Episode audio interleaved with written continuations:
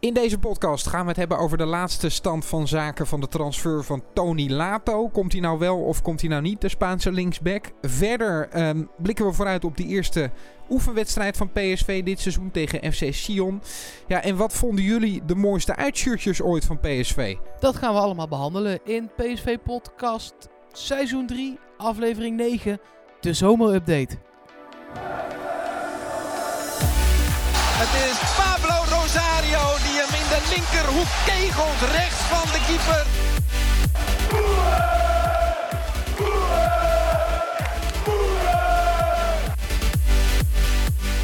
Daar is dat jagen van Lozano dus heel erg goed. 2-0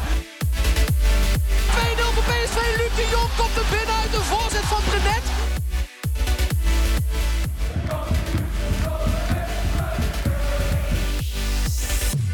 Van harte welkom natuurlijk weer met Mark Versteden. Ja, en uiteraard ook met Yannick Eeling. Ja, uh, Yannick, uh, Lato, we hadden hem uh, eerst al wel een beetje een soort van... Nou, hadden we hem helemaal afgeschreven? Ik eigenlijk al wel nou, namelijk. Ja, hij, was niet echt meer in beeld voor mijn gevoel. En dan duikt die naam toch weer op. Gisteren, eigenlijk op het moment dat wij de podcast aan het uploaden waren. Uh, en ja, het, het, toen leek redelijk zeker dat hij zou gaan komen, uh, die Spaanse linksback. De vervanger van Angelino. Um, nu lijkt daar dan toch weer een kink in de kabel uh, te zijn gekomen. Want hij zou vandaag gaan vliegen. Dat is nog niet gebeurd. Uh, maar goed, dat hebben we wel vaker bij transfers uh, gezien. Terwijl ik, ik, ik had wel een vliegtuigje gezien, Janiek. Ja, ja, jij zat alweer vanochtend een flightradar in de gaten te houden. Ja, ik zat de flightradar. En er vertrok een not-announced privévliegtuigje vanuit Valencia. Nou is het een beetje anticlimax, want ik moest gewoon werken. Dus ik ben daarna het vliegtuigje uit het oog verloren. hij ging wel naar het noorden. maar ik heb geen idee of hij ook daadwerkelijk naar Eindhoven is gegaan. Ik moest gewoon dingen doen. Uh, maar ik dacht, het zou hem zomaar eens kunnen zijn natuurlijk. Maar ik hou het uh, in de gaten. Misschien is hij al wel gevlogen en medisch gekeurd. Uh, maar wordt er nog onderhandeld. Dat zou kunnen. Ja, toch hadden ze vanuit Spanje, hebben ze eerder vandaag gemeld dat hij dan wel vandaag zou vliegen, maar dat dat niet is gebeurd. Omdat er een financiële kink in de kabel is gekomen. Om economische redenen zijn we er nog niet, zeg maar. Um, er spelen eigenlijk uh, twee constructies bij deze uh, transfer. Um, de ene constructie is dat het weer uh, uh, een transfer wordt met een terugkoopoptie. Dat hebben we natuurlijk bij Angelino uh, gehad. Manchester City kan hem vrij makkelijk weer van PSV overnemen voor een redelijk beperkt bedrag. Maar wel een bedrag waarbij PSV dus winst maakt. Dat zou bij Tony Lato ook aan de hand zijn. Dat Valencia hem de komende seizoenen nog terug zou kunnen kopen. Ja, maar er is inderdaad nog een optie. Um, en dat is er eentje die echt, uh, nou, zo'n beetje twee minuten voordat wij de podcast beginnen met opnemen. Dit is de podcast van woensdag 3 juli. Uh, naar buiten kwam. En dat is dat het dan uiteindelijk zou gaan om een tweejarige huur. Uh, van Lato, van Valencia. Omdat ze hem dan toch niet, met welke constructie dan ook, zouden willen verkopen. Um, ik vind. Ja, bij... wat, wat, wat is jouw voorkeur? Nou, ik moet heel eerlijk. Je weet natuurlijk niet precies hoe die contracten eruit zien. Dus ik vind het lastig om er echt iets van te vinden. Zit er bijvoorbeeld in dat huurcontract wel een optie tot koop? Zit er in het huurcontract geen optie dat ze hem na een jaar voor een aantal miljoenen toch ook terug mogen nemen? Want als ik het mag zeggen, en de twee jaar staat echt definitief vast en het is huur dan heb ik daar niet zoveel moeite mee. Omdat je anders toch al heel snel in een categorie Bram van Polen-achtige categorie komt, zeg maar. Um, dan heb ik liever twee jaar lang een hele goede speler die daarna naar een club gaat die gewoon hoger op de Europese ranglijsten staat, in dit geval Valencia, um, dan dat je het eigenlijk niet zeker weet en je de hele tijd in onzekerheid dus zit over wat er gaat gebeuren. Ja, aan de andere kant, bij die constructie met de terugkoopoptie, uh, zoals we bij Angelino hebben gehad, heeft PSV wel gewoon financiële winst gemaakt. Want er zijn wel flink wat miljoenen extra bovenop de aankoopprijs gekomen. Ja, nee, daar heb je gelijk in. Maar dan speelt een speler. Je, je moet daarbij dus uitgaan: gaan we uh, zo'n speler halen voor de winst? Of ga je zo'n speler halen om de Champions League te halen? Daar het geld dan uit te halen. Uh, dat is namelijk hoe ik het zie. Um, en dan maak je inderdaad geen winst op zo'n speler. Ook geen verlies, want je betaalt alleen zijn salaris. Um, en dan heb je gewoon twee jaar lang een hele goede speler gehad. Ik ben daar niet per se ja. tegen. Nee, en, en misschien dat we ook in ons achterhoofd kunnen houden dat als eventueel die Gloucester zou komen. Want dat is een andere uh, linksback die uh, uh, in beeld is bij PSV. Maar nog wel iemand die nog niet van het niveau is dat hij in PSV 1 zou kunnen acteren. Althans, dat is niet de verwachting. 18 jaar nog maar, die Amerikaan.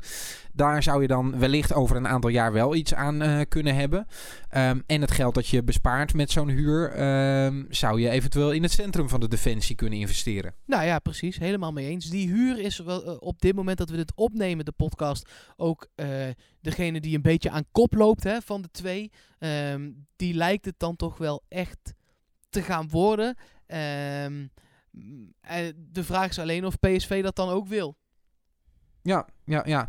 Um, of we deze speler überhaupt moeten willen, daar zijn we natuurlijk ingedoken. En onze deskundige dan met name, uh, Platte Kar. Volgens mij heeft hij weer een uitgebreide analyse van opnieuw een nieuwe speler die bij PSV in de belangstelling staat. We zijn uh, vanaf het stadion voor een groot gedeelte met de platte kar meegelopen. De platte kar, dat is geweldig. Antonio Latorre Crueso. In mijn beste Spaans. Ofwel Tony Lato. Tony Lato is een waar pareltje van de scouting. Tony Lato deed mij denken aan Arias. Totaal niet qua type speler, maar wel qua, qua, qua verrassing. Wie kende hem? Lato is een linksback. I know. Lekker hè? Eindelijk. Een linksback van Valencia. Bij Valencia moest hij echter Gaia voor zich dulden. Geen speeltijd, maar geen schande. Gaia is een van de beste linksbacks ter wereld. Het platte point system. Hoe doet Lato het vergeleken met andere linksbacks in de Primera Division? Niet eens zo goed eigenlijk. Hoe komt dat? Twee redenen. De eerste dus. Primera Division is een stapje hoger dan de Eredivisie.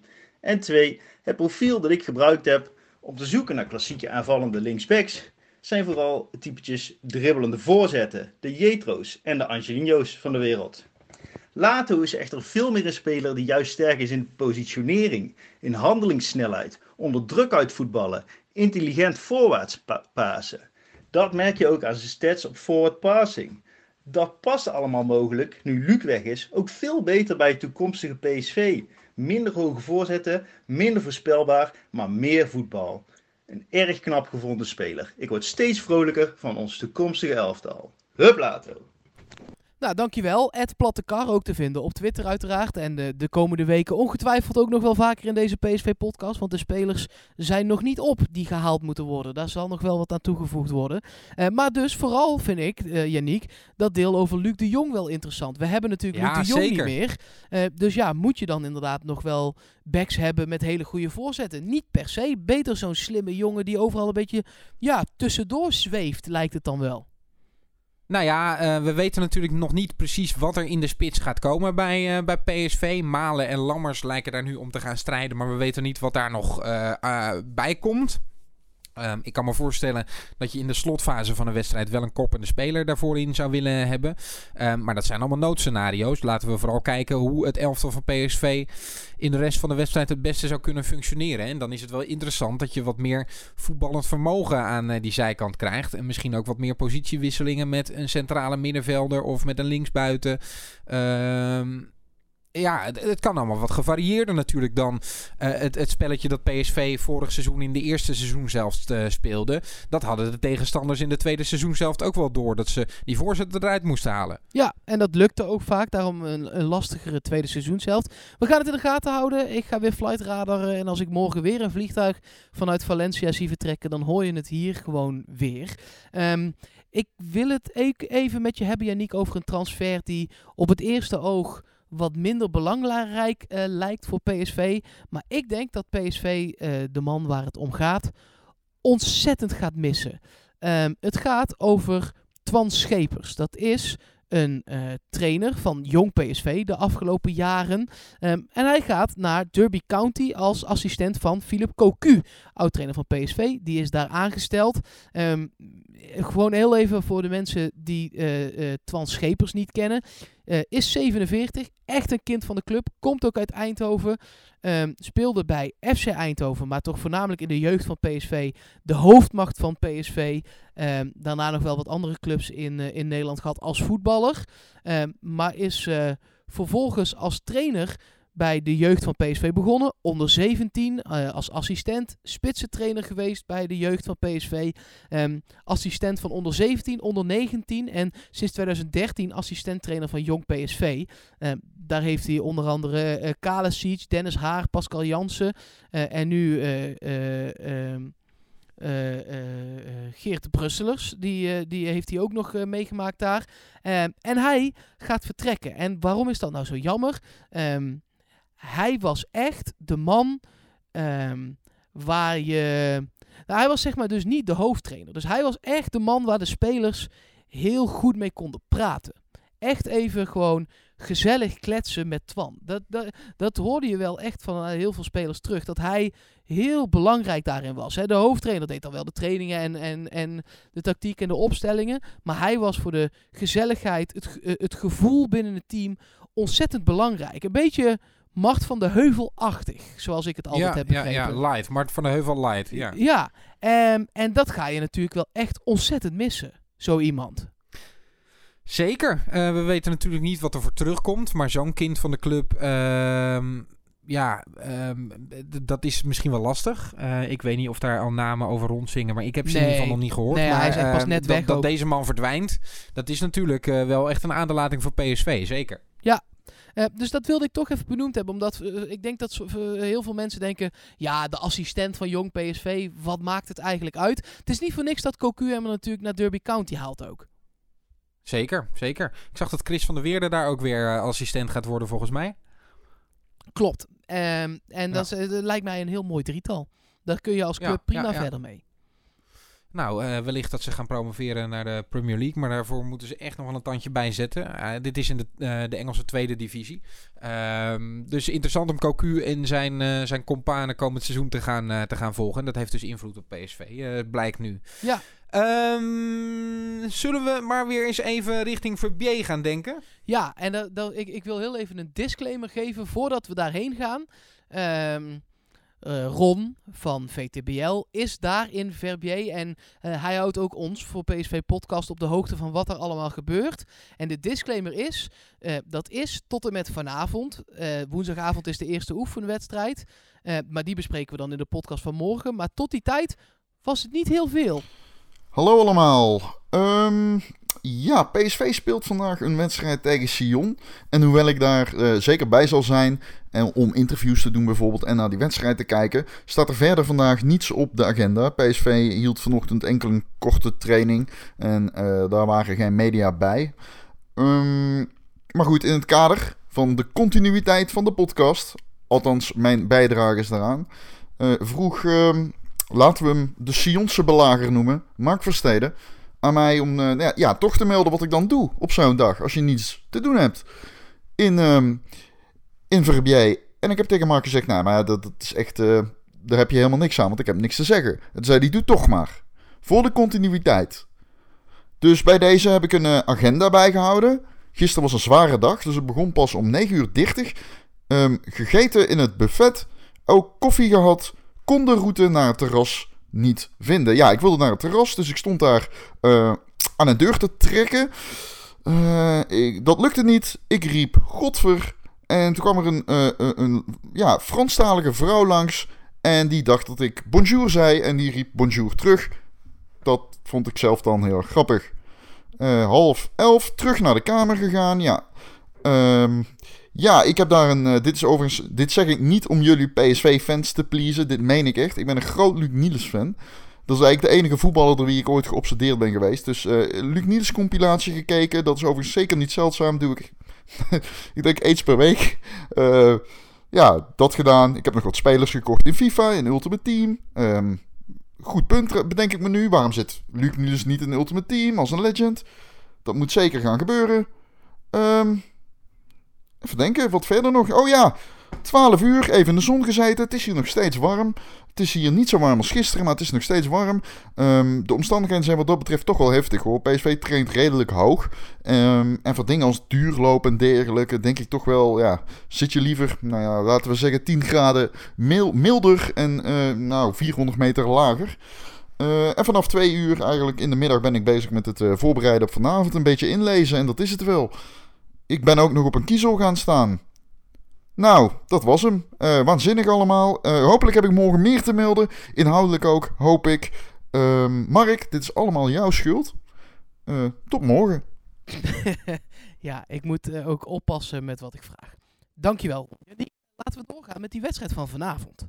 Eh, PSV tegen Sion. De oefenwedstrijd waarmee PSV dan dit seizoen eigenlijk officieel aftrapt. Of officieus moeten we dan eh, zeggen. Ehm, wat, wat, wat moeten we van die pot verwachten? Nou, eh, het is dus Sion. Zij zijn het afgelopen seizoen achtste geëindigd in de nationale competitie in Zwitserland. Het is een Zwitsers team, komt uit de buurt van Verbier.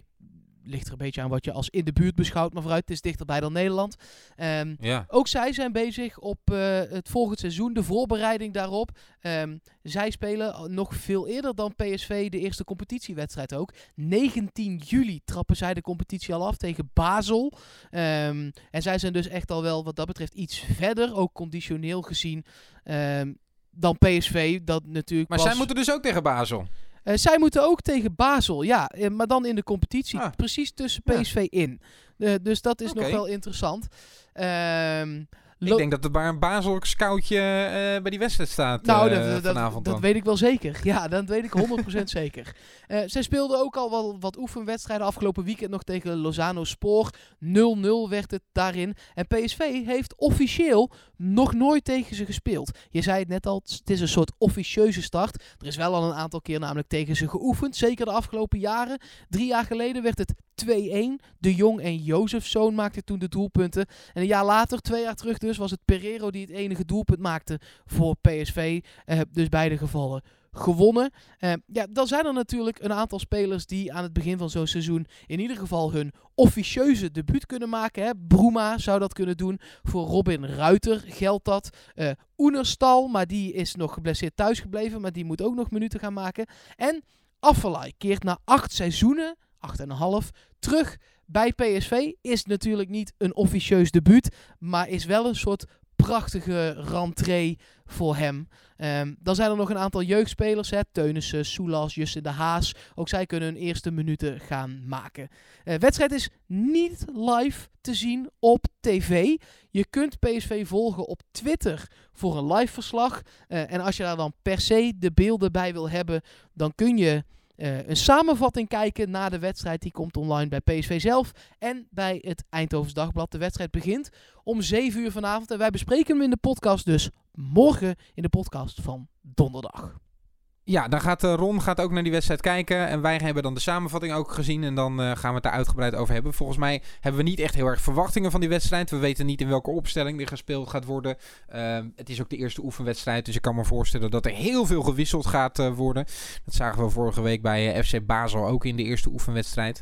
Ehm, maar genoeg in ieder geval morgen om te bespreken. Want dan krijgen we een eerste indruk van, eh, van PSV. Hoe het er dit seizoen voor staat. Eh, en dan heb ik, om meteen maar ook door te gaan naar het volgende onderwerp, een hoop commentaar gehaald, Janiek.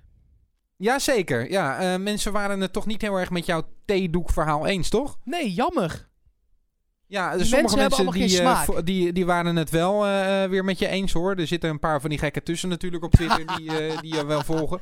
Nee. Maar jouw favoriete shirt was het zwart-blauw geblokte theedoek shirt. Dat gedrocht waar PSV een tijdje in heeft gespeeld in uitwedstrijden. Mijn favoriete shirt was dat prachtige zwarte shirt.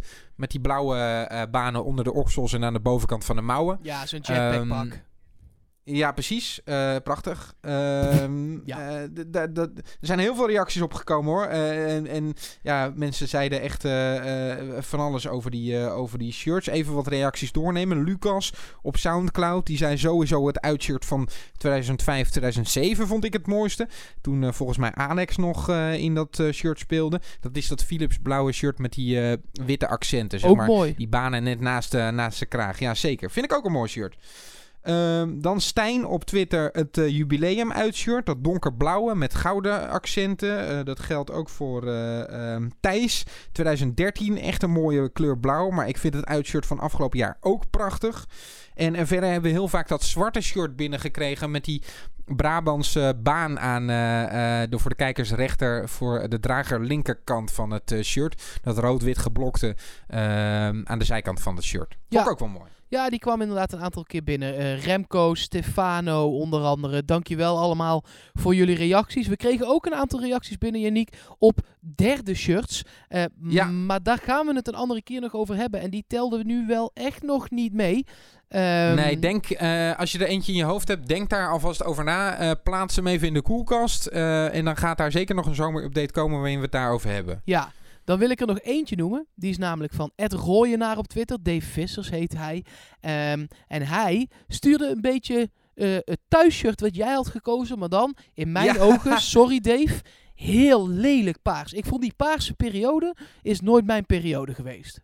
Ja, het is, het, is, het is een soort tussen paars en blauw in is het. Hè? Het is een heel donker soort paars met, met eh, zwarte banen daarop. Het is zeg maar het negatief van dat eh, shirt van 97 eh, met rood. En dan die witte banen die uiteenlopen, zeg maar. Ja, klopt. Ja, het is niet mijn shirt, maar eh, ieder zijn Nee. smaak. Ja, ja, ja, ja. Nou, ik, vond het wel, ik vind het wel stijfel, lekker retro, maar goed. Dat is mijn smaak. Hè? Ja, zeker. ja. Nee, ja, er zijn gewoon heel veel mooie shirts gemaakt. Er kwamen ook nog meer reacties binnen. Dank je wel daarvoor op PSV Podcast op Twitter en op Instagram. En dus onder onze Soundcloud ook daar PSV Podcast. Ehm, en eh, je kunt, als je zou willen reageren, dat ook nog op psv.supporters.nl doen. Daar komen we ook iedere dag binnen. Eh, die reacties zijn echt fantastisch. We kunnen ze helaas niet allemaal behandelen. eh, want we willen deze podcast nou eenmaal zo rond de 20, 25 minuten per dag houden. Eh, maar dank je wel voor al jullie reacties. Zeker. En morgen meer over de oefenwedstrijd eh, PSV FC Sion.